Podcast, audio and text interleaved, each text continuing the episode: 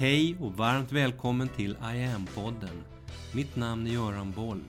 Här kommer jag varje vecka att presentera, utveckla tankar kring och polera på en ny facett av denna märkliga, mäktiga ädelsten vi kallar yoga.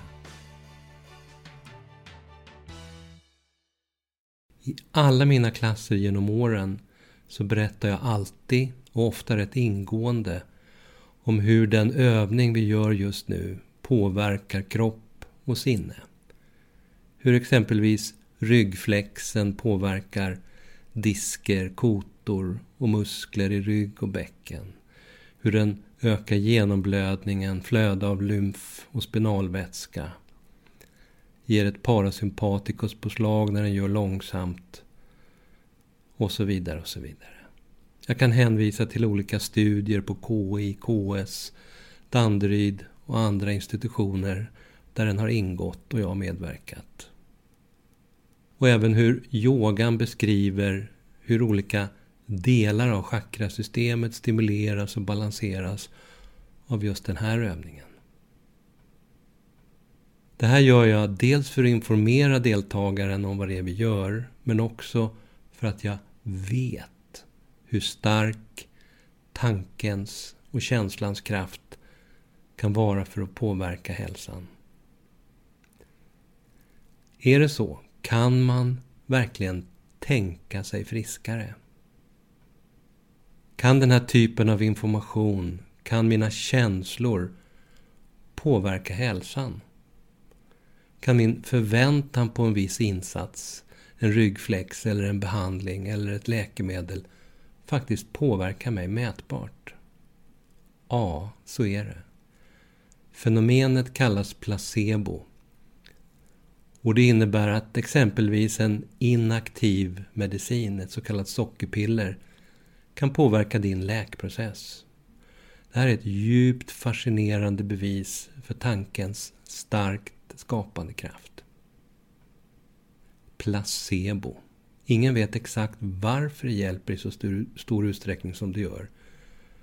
Men forskarna tror allt mer att det faktum att det hjälper bekräftar hjärnans och kroppens förmåga att läka sig själv. I den stora amerikanska databasen Medline, PubMed, så ger sökordet placebo närmare 250 000 träffar bland de över 35 miljoner medicinska forskningsrapporter som ligger där. Hösten 2021 upptäckte australiensiska forskare att placebo sitter i hjärnstammen. Den del som förbinder ryggmärgen med resten av hjärnan, hjärnstammen. Där utgår också vagusnerven ifrån. Hjärnstammen fungerar som ett nav för kroppens olika nervbanor. I studien som upptäckte det här som utfördes vid University of Melbourne så användes avancerad funktionell magnetröntgenkameraskanningar med mycket stor detaljskärpa för att hitta den exakta platsen i hjärnstammen där placeboeffekten äger rum.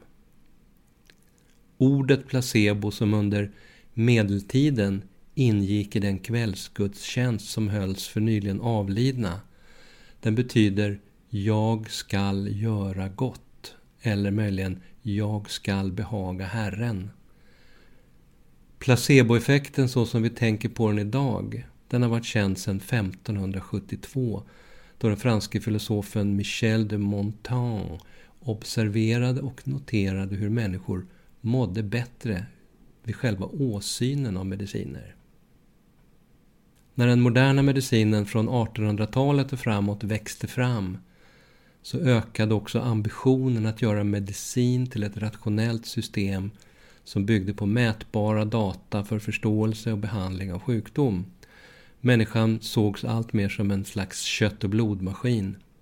Och placeboeffekten blev något som skulle rensas bort. Begreppet försvann helt ur allmänna och medicinska uppslagsböcker ungefär under 100 år, från 1850 till 1950 när det dyker upp igen. Då, på 1950-talet, så ansågs placebo förorena olika kliniska studier. Man fann att den så kallat verkningslösa behandlingen med sockerpiller som man gav till kontrollgrupperna parallellt med den verksamma behandlingen. Sockerpillren kunde i ända upp till 40 procent av fallen få patienten att må bättre. Termen placebo myntades då igen för detta och begreppet var tillbaka på den medicinska arenan. Man har sett att alla kan vi påverkas av placebo. Kroppen låter sig verkligen luras av sockerpiller och injektioner med helt verkningslösa substanser. Enbart tron på att en behandling ska funka kan sätta igång läkningsprocesser av rätt betydande mått inom oss. Man vet att en kropp som utsätts för stress läker sämre. Medan en kropp som får vara i lugna, rofyllda omgivningar läker snabbare och har ett starkare immunförsvar. Förväntningarna på en behandling spelar roll för resultatet, så är det. Och placeboeffekten blir som starkast när både den som blir behandlad och den som utför behandlingen, när båda tror att behandlingen är verksam, då blir det som bäst. Kliniska studier har också visat att medicinens utformning har en påverkan. En kapsel till exempel har en större placeboeffekt än ett piller. Och en spruta har en större effekt än en kapsel. Och en spruta som gör ont har större effekt än en behandling som inte gör ont. Mediciners form, utseende och färg spelar också roll. Och färgen är ofta kulturellt laddad.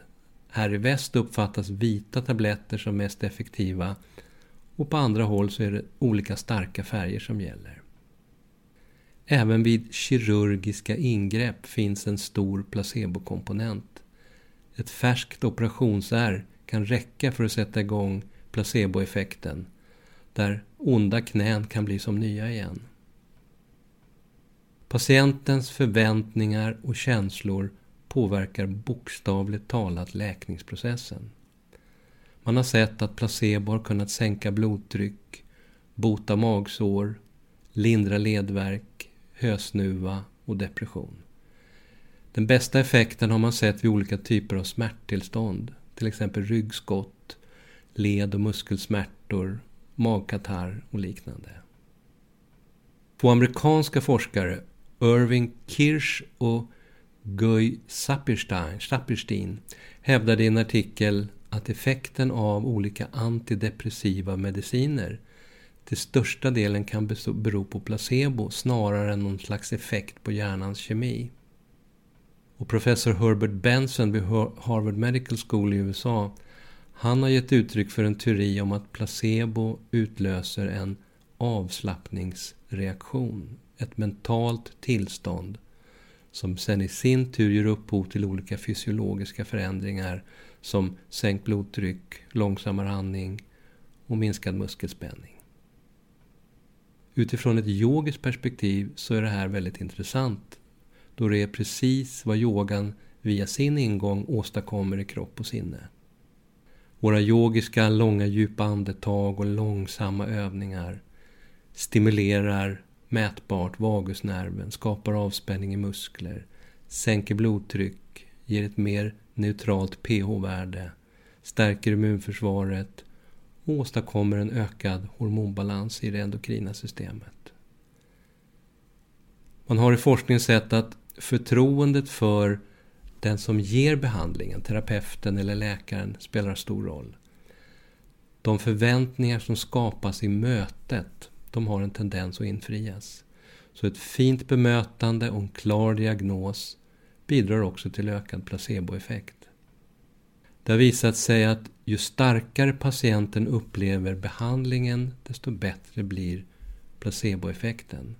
Och det tar jag som yogaterapeut fasta på när jag utifrån ett energitänk och chakrasystemet och så vidare beskriver tänkbara grundorsaker till de olika symptom som människor kommer till mig med och hur yogaövningarna kan påverka kropp och sinne i syfte att påverka och förbättra hälsan. Och så kan jag hänvisa till att det finns forskning på den här typen av yoga. Att hundratals sjukhus och vårdcentraler över hela Skandinavien använder det här på patienter idag. Min strävan är att sätta in allt i ett sammanhang, skapa en helhetsbild så att personen som jag möter ska få en möjlighet att på ett mer medvetet sätt kunna börja hantera alla de olika delarna i sitt liv. De flesta är idag ense om att placebo fungerar, det är en realitet. Eh, professor Martin Ingvar till exempel, eh, han är professor i integrativ medicin vid Karolinska institutet. Han har forskat på placebo och anser att det är okej okay att använda placebobehandlingar. I en artikel i DN 2009 så sa han, och jag citerar, allt som hjälper patienten är försvarbart. Placebo är ingen magi. Vi har en funktion i hjärnan som gör att vi påverkas av vad andra säger. Slutcitat Martin Ingvar. Inom forskningen så är man generellt sett överens om några saker. Bland annat att placebo aktiverar kroppens belöningssystem som skapar en insöndring av endorfiner och andra hormon vilket i sin tur minskar oro, smärta och skapar en ökat välbefinnande, en ökat, ett ökat välbefinnande.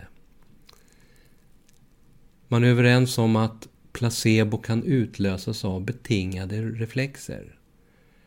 Blotta åsynen av ett hölass exempelvis, till och med på bild, kan bevisligen utlösa astma hos gräsallergiker. man är också överens om att placebo har en förmåga att skapa lugn. Många sjukdomstillstånd som vi har förvärras av när den sjuke är orolig. Det påverkar immunförsvaret. Så när en behandling utförs av en trovärdig vårdgivare, när behandlingen innehåller specifika moment och ritualer och återföljs, eller åtföljs av försäkringar om nu blir det nog bra ska du se, det här kommer göra dig frisk. Så medför det placebopåverkan. Och det är inte inbildning. Lindringen är mätbar, effekten är mätbar. Det här är på riktigt. Placebo ger verklig effekt. Intressant. Det yogiska perspektivet i det här är ju solklart. Inom dig så har du, så finns det enorma resurser och kraft att skapa läkning på alla plan. Och du har själv nyckeln. Dina tankar skapar din verklighet. Det du tänker och det du känner manifesterar sig i din kropp. Min katt Tao, han tror på placebo. Han sa senast idag att han tänker och han känner intensivt att hans matskål är full och att hans bajslåda är tom. Och nu är det bara upp till mig att manifestera detta. Så så får det bli. Vi hörs!